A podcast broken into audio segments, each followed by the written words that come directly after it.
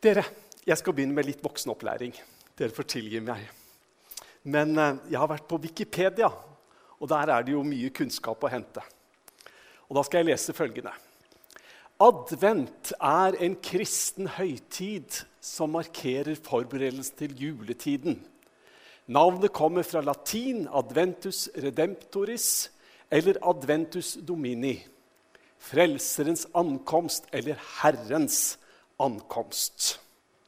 Ja, da vet vi jo hva advent betyr. Og eh, jeg tror vi kjenner noe av at vi virkelig er i en adventstid. Vi møter det overalt hvor vi er henne, i butikker og alt sammen. Og til og med nå på toalettet borte på kontoret så er det folk som har satt inn en, en sånn såpegreie. Så når du trykker på den, så begynner det å synge en julesang og I wish you a merry Christmas. Det blir jo så koselig og så flott at det er jo ingen grenser. Men nå er det sånn at adventstid er ikke bare nødvendigvis fire uker. Fra første til fjerde søndag i advent, altså noen dager til. da. Egentlig så er adventstid en lengre feiring enn som så. Og vi lever på en måte i en adventstid hele tiden. For det går an å tenke seg at advent betyr to forskjellige ting, litt avhengig av hvor vi har fokus akkurat her og nå. Og det er jo sånn at uh, advent den minner oss om, og vi minner hverandre om julefortellingen. Om, om hyrdene på markene og, og lille Jesusbarnet i krybben. Jo, jo, vi ser fram til det, og vi kjenner at det, jo, det er adventstid. Men så er det dette at advent har en større og videre betydning enn bare det som har med Jesu første komme å gjøre.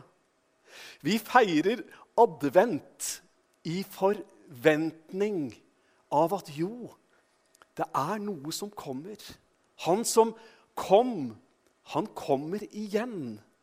Og adventsfeiring har også den dimensjonen med seg. Når dere ser her, så ser dere bildet av Arnold Børud.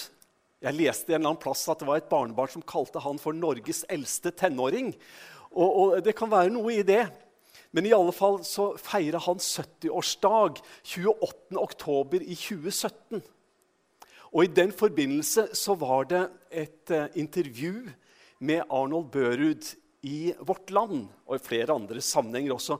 Men, men i dette intervjuet vårt, i Vårt Land så ble han spurt av journalisten om dette at du, Arnold, du har jo skrevet en del sanger om himmelen. Og da svarte Arnold dette. Jeg har skrevet noen sanger om himmelen, men ikke om hvordan det er der.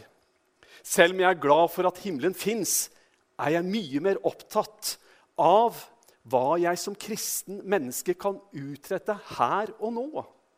Ikke minst fortelle om hvor viktig Jesus er for å kunne leve et meningsfullt liv. Jeg husker jeg leste det intervjuet med Arnold, og eh, jeg har tenkt noe på det. Altså, Én ting er jo visst eh, Vi vet lite om hvordan det blir i himmelen og på den andre sida, og, og, hva som venter oss. Ja, det, det, skal han ha rett i. Vi vet lite om det. Og jeg må nok si for min egen del jeg er atskillig mer opptatt av, av, hvordan vi skal leve livet vårt her i dag, i den tida, disse årene vi er blitt betrodd her nede. Men dere, det går an å ha to tanker i hodet samtidig. Jeg har jo nevnt hvordan min far fortalte om Frank Mangs. Om hvordan Frank Mangs da han var ganske ung, av og til ba. Og han ba, 'Kjære Gud, når jeg har vært i himmelen i tusen år, kan du ikke la meg få lov til å dø på ordentlig da?' Amen. Og, og Jeg tror jeg skjønner Frank Mangs sin bønn. Nå fikk jo han et helt annet syn på himmelen etter hvert. da. Men, men jeg tror jeg skjønte hans bønn som, som liten. Det må bli fryktelig kjedelig å stå der når vi har stått med palmegrener i 1000 år, kan vi ikke si at det er nok. Det, det må holde. Altså, Dette med å tenke for seg en evighet. Og hvis man da i tillegg tenker at man skal ikke gjøre noen ting annet enn å spille på harper og synge, så kan det nå en grense for hva vi i vår menneskelige tilstand kan makte å tenke oss. Og så spør vi oss sjøl jeg lurer på hvordan blir det der. Å, jeg har tenkt den tanken så mange ganger. Ja, sikkert du også. Når vi tenker på livet vårt, og vi eldes alle sammen Og vi vet, når vi synger julesangen 'Slekt skal følge slekters gang', så skjønner vi jo hva vi synger, selv om ikke vi ikke reflekterer noe særlig over det. Men vi vet at vi eldes. Kroppen den brytes ned, og våre år er begrensa. Klart vi tenker på hvordan blir det der?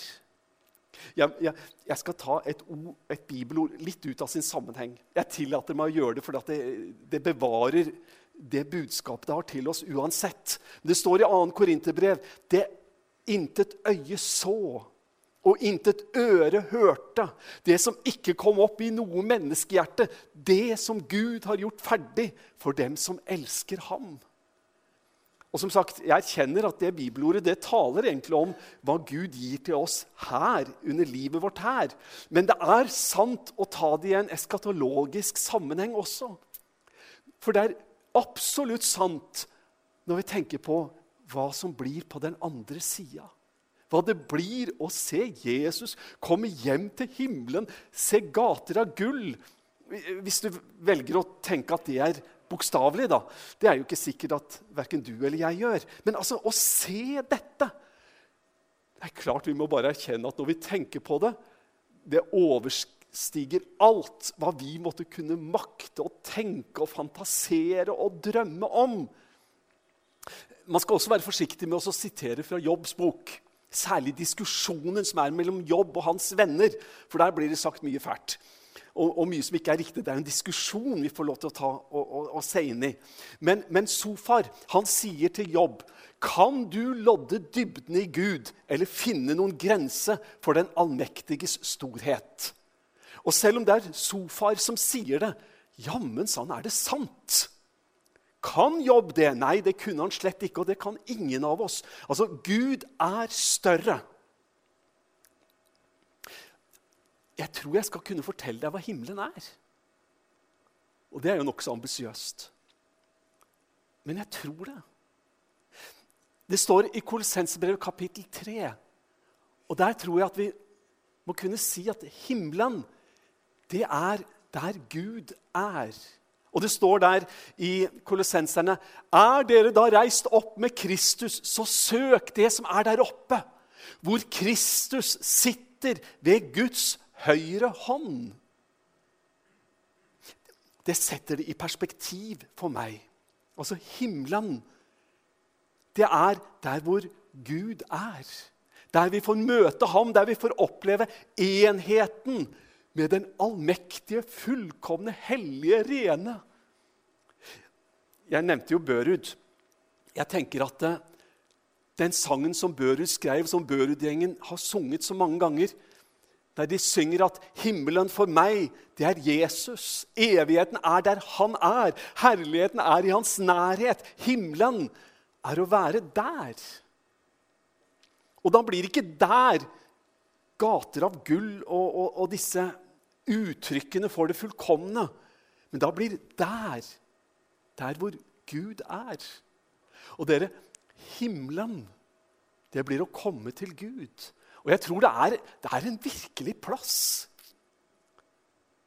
Jeg, jeg, jeg, tror at himmelen er en plass hvor, hvor vi får leve i, i, harmoni og i fullkommenhet. Du, jeg må lese for deg. Dette er fra Johannes evangelium kapittel 21.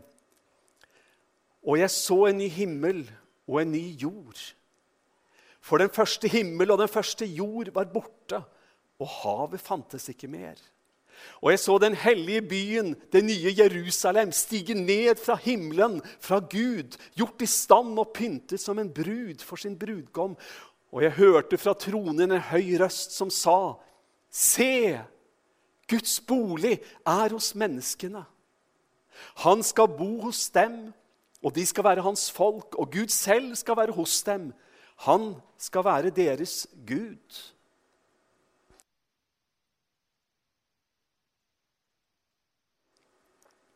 For et bilde og for en beskrivelse.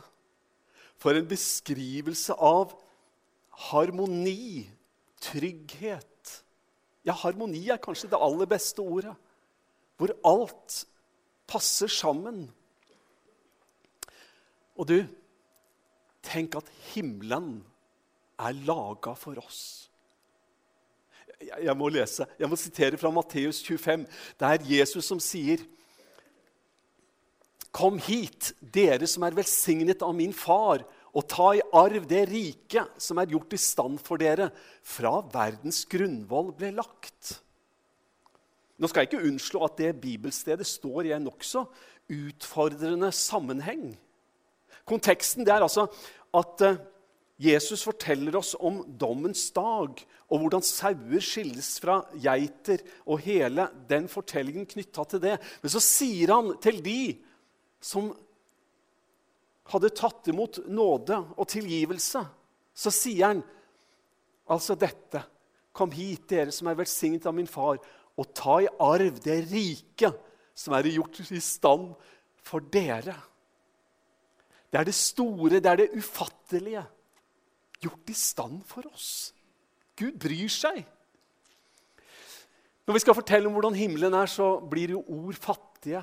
Og våre egne tanker de blir så Ja, det strekker jo ikke til på noen måte.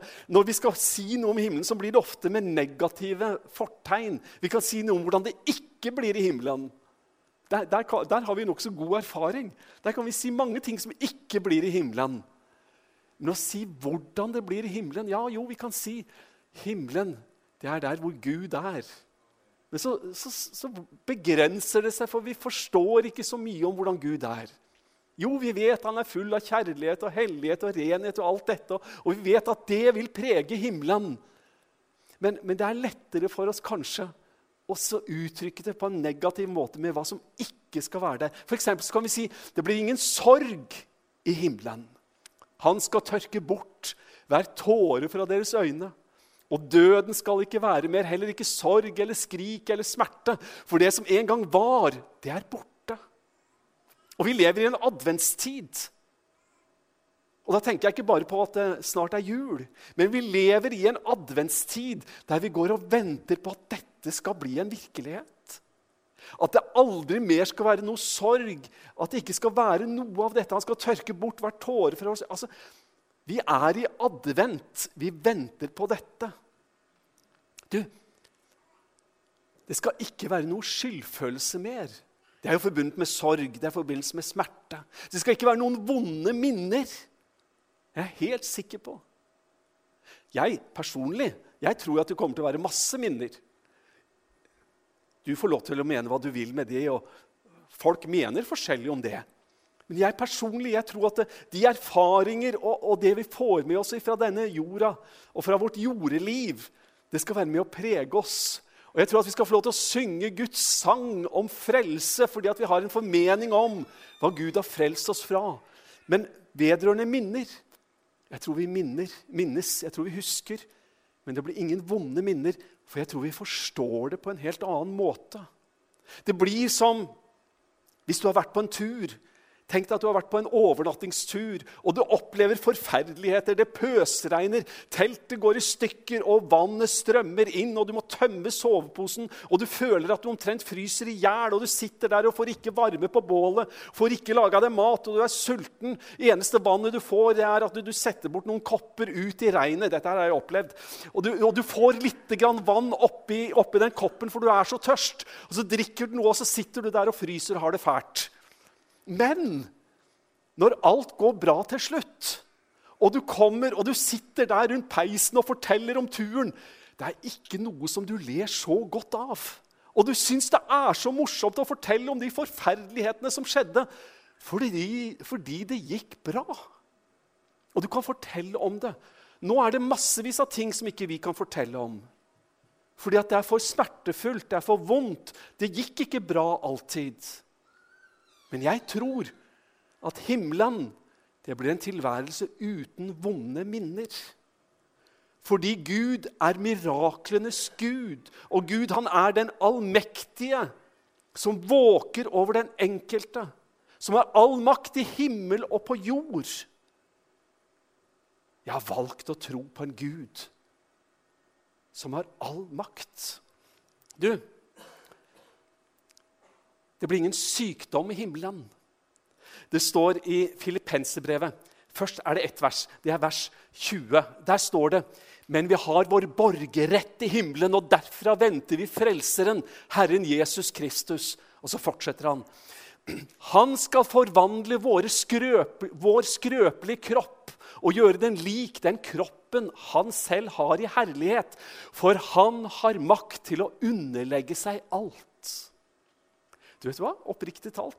Jeg tror at himmelen blir et sted hvor det ikke er noen sykdom, ingen lidelse, ingen smerte. Nå er jeg så velsigna at jeg har stort sett vært frisk hele mitt liv. Og de gangene jeg har vært syk, så har jeg hatt dette perspektivet at om en uke i høyden to, så er jeg frisk igjen. Problemet med det er at man får en veldig lav smerteterskel. Veldig lav smerteterskel når man ikke vet hva sykdom og smerter egentlig er. Men jeg møter mange mennesker som ikke har lav smerteterskel. Jeg møter mange mennesker som har lidd av sykdom og smerte i årevis. Og jeg spør dem hvordan klarer du det? Hvordan holder du ut? Og så sier de ofte man blir jo man blir ikke vant med det, men man blir vant med det òg. Og jeg forstår ikke helt, men jeg skjønner. Og dere, sykdom og smerte på seg selv eller på folk som han er glad i, som står en nær Nei, Det er ingen velsignelse, men en dag så skal det ta slutt. Sykdom har en begrensa tid. Og ikke bare sykdom. Det står 'og døden skal ikke være mere'. Ingen død, ingen sykdom, ingen lidelse. Og det, I Åpenbaring kapittel 20 så står det mer. Ikke bare at 'og død skal ikke være mere', men der står det at det, så ble døden og dødsriket kastet i ildsjøen. Og ildsjøen, det er den annen død. Vet du hva? Død skal ikke regjere. Nei, den er allerede overvunnet. Det skjedde for et par tusen år siden, da Jesus led døden i vårt sted. Og ved sin død overvant han døden. Døden, ja, sånn som det står i 1. Korinterbrev kapittel 15, døden er oppslukt Seieren vunnet. Og så skriver Paulus, 'Død, hvor er din brodd?' Død, hvor er din seier? Døden kommer ikke til å herske til evig tid. Selv døden skal kastes i ildsjøen. Den skal miste sin innflytelse og sin makt. Fordi livet har seira over døden. Det blir ikke noen død i himmelen. Det blir ikke noen synd der. Og det er kanskje det som gjør den store forskjellen. Han som har makt til å bevare dere fra fall og føre dere fram for sin herlighet. Og hør de, siste, de tre siste ordene. Jublende og uten feil. Jeg gleder meg. Altså, Man kan jo tenke seg at man kommer der hvis man hadde hatt alle vonde minner og, og, og, og selvbebreidelse. Men det blir ikke sånn. Vi kommer fram jublende og uten feil. Jeg tror det blir veldig ålreit å bli feilfri. Fullkommen. Men det, det, er Guds verk. Og når Han er ferdig med oss Han har begynt en gode gjerning i oss, og en dag så er han ferdig. Og jeg tror Den siste biten av det han holder på med, kommer han til å gjøre veldig fort. i det vi forvandles når vi ser Han som Han er, da Han fullt ut vinner skikkelse i oss, og vi står der, og det er Mesteren som har fullført et mesterverk i oss. Du husker hvordan Maria sa til Martha, 'Mesteren er her og kaller på deg.' Og det er den mester som kan gjøre et mesterverk ut av både deg og meg og presentere oss en gang i himmelens herlighet uten noen skavanker. Vi står der jublende og uten feil. Og da skal vi få bringe ære til Han som har gjort et mesterverk ut av oss. Det blir ingen synd. Og jeg må ta med et bibelvers som beskriver noe av evighetstilstanden. Det er så vanskelig å vite helt hvilket ord som blir det mest riktige. Det nye Jerusalem og, og, og himmelen og alt dette. Men, men, la meg si det sånn. Den beskriver en evighetstilstand. Og det står sånn i Åpenbaringen kapittel 21, der det står om Jerusalem. Det nye Jerusalem. Byens porter skal aldri stenges etter dagen, for natt skal det ikke være der. Alt det dyrebare og verdifulle folkene eier, skal de føre inn i den. Men noe urent skal aldri komme inn i byen. Ingen som gjør motbydelige ting eller farer med løgn. Bare de som er skrevet inn i livets bok hos lammet. Hadde vi lest sammenhengen, så hadde vi lest en helt ubegripelig vakker beskrivelse. Dere, Vi kan løfte blikket, vi kan se framover uten frykt. Men når jeg sier synd kommer ikke inn der, så leser vi her Men noe urent skal aldri komme inn i byen.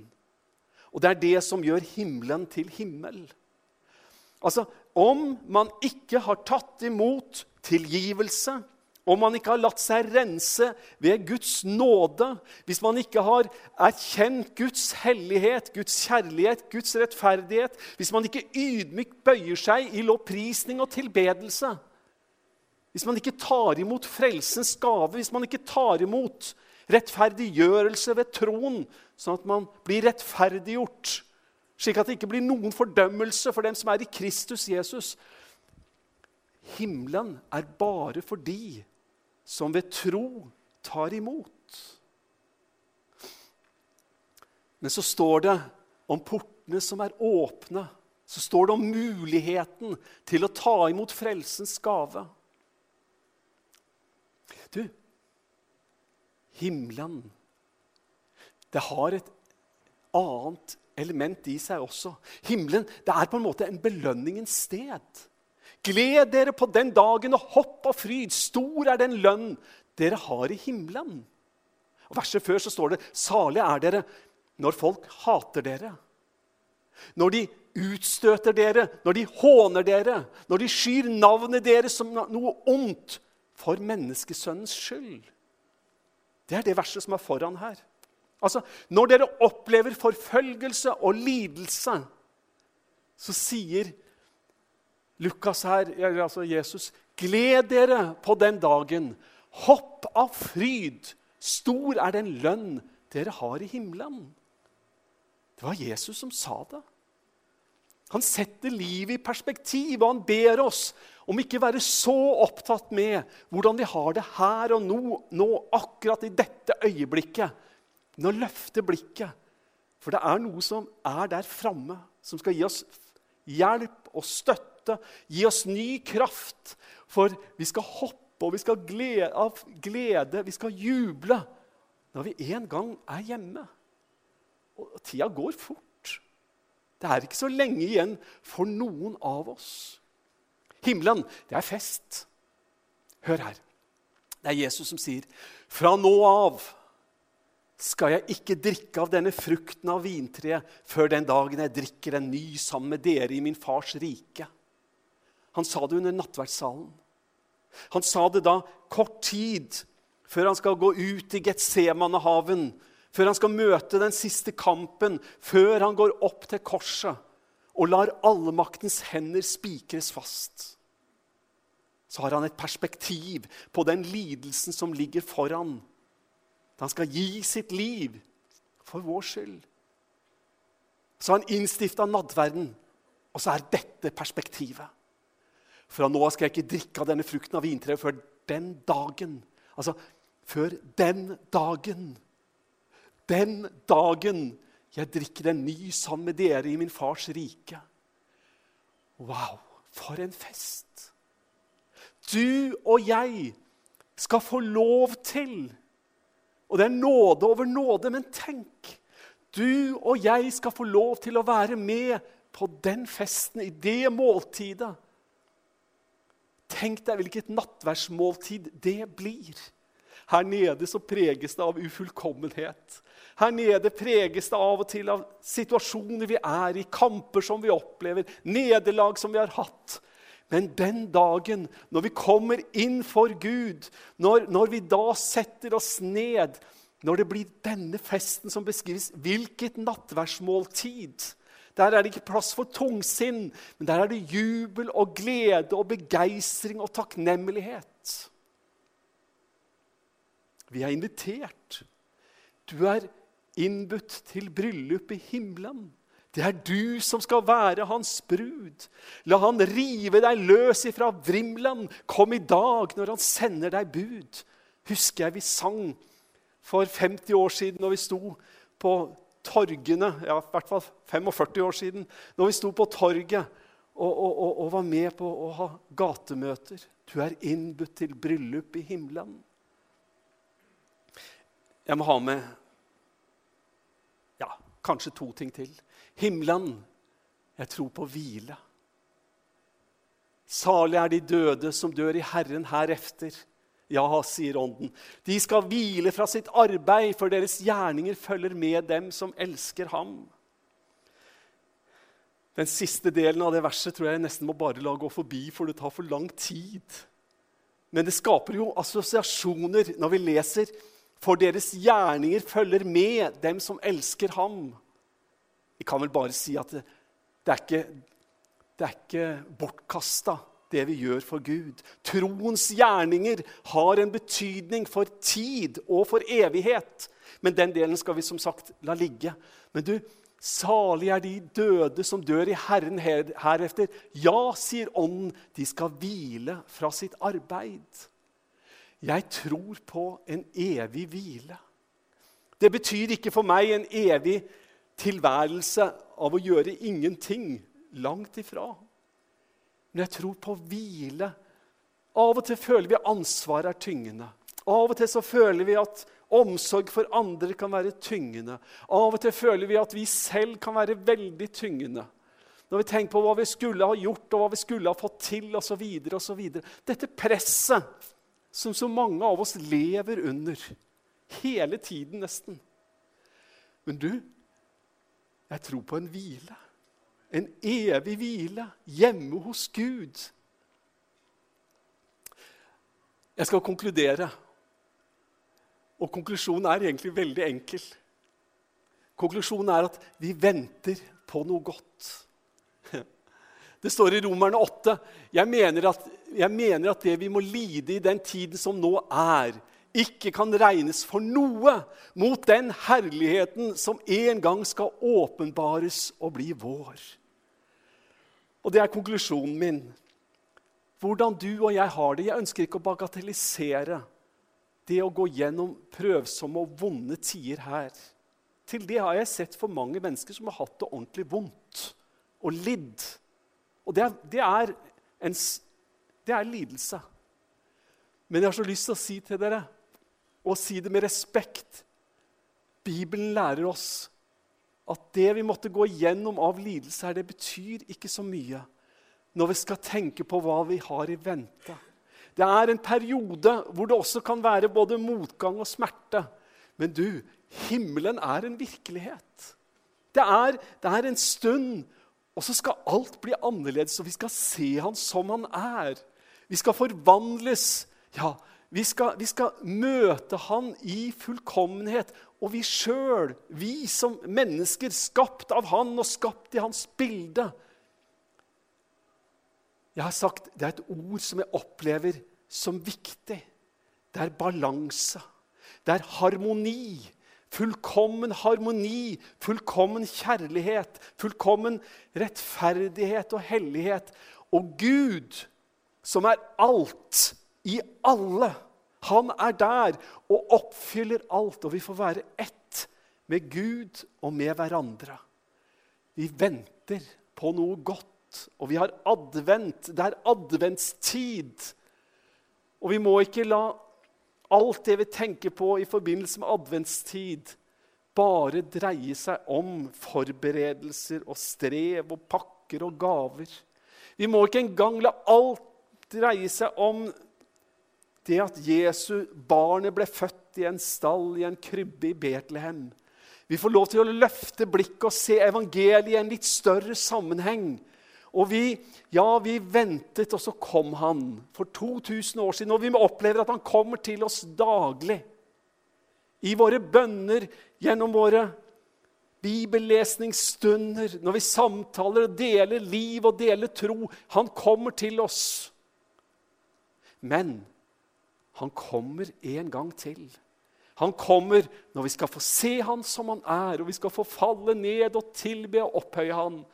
Og vi får juble fram og være hoppende glade. For han som begynte den gode gjerning i oss, han hadde makt. Han makta. Han fullførte det. Og han står og presenterer oss innenfor himmelens engler hva han hadde vunnet gjennom sitt verk, gjennom sin frelseshandling, gjennom de ord han ropte. Det er fullbrakt. Og døden mistet sin makt. Livet seira. Gud seira. I Jesu navn. Amen.